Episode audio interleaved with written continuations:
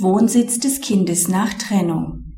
Nimmt ein Elternteil bei der Trennung das gemeinschaftliche Kind ohne Absprache mit dem anderen Elternteil zu seinem neu gegründeten Wohnsitz mit, wird dadurch bei gemeinsamer Sorge der Eltern ein weiterer Wohnsitz des Kindes begründet. Die Mutter zieht mit den beiden gemeinsamen minderjährigen Kindern ohne Benachrichtigung des mit sorgeberechtigten Vaters in eine andere Stadt. Die neue Anschrift teilt sie weder dem Vater noch dem Gericht mit. Sie beantragt bei dem für sie nunmehr zuständigen Amtsgericht die Übertragung des Aufenthaltsbestimmungsrechts für die beiden Kinder.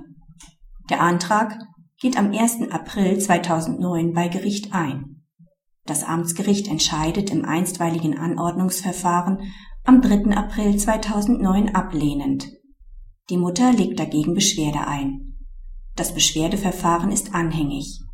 Der Vater beantragt am 3. April 2009 beim Amtsgericht seines Wohnsitzes die Übertragung des Aufenthaltsbestimmungsrechts auf sich, ebenfalls vorab im Wege der einstweiligen Anordnung.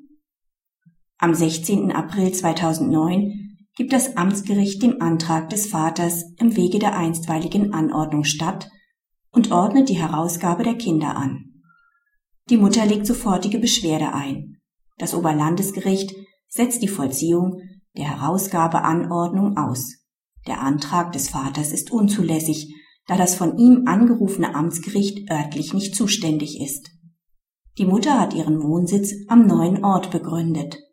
Dadurch wird den Kindern ein weiterer Wohnsitz vermittelt.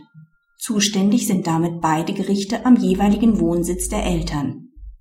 Da der Antrag der Mutter vor dem des Vaters einging und noch nicht beendet ist, ist das Gericht am Wohnsitz des Vaters unzuständig.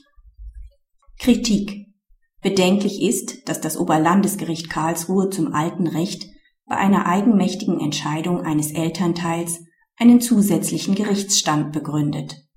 Seit dem 1. September 2009 wird für die örtliche Zuständigkeit nach 152 Absatz 2 FamFG an den gewöhnlichen Aufenthalt des Kindes angeknüpft.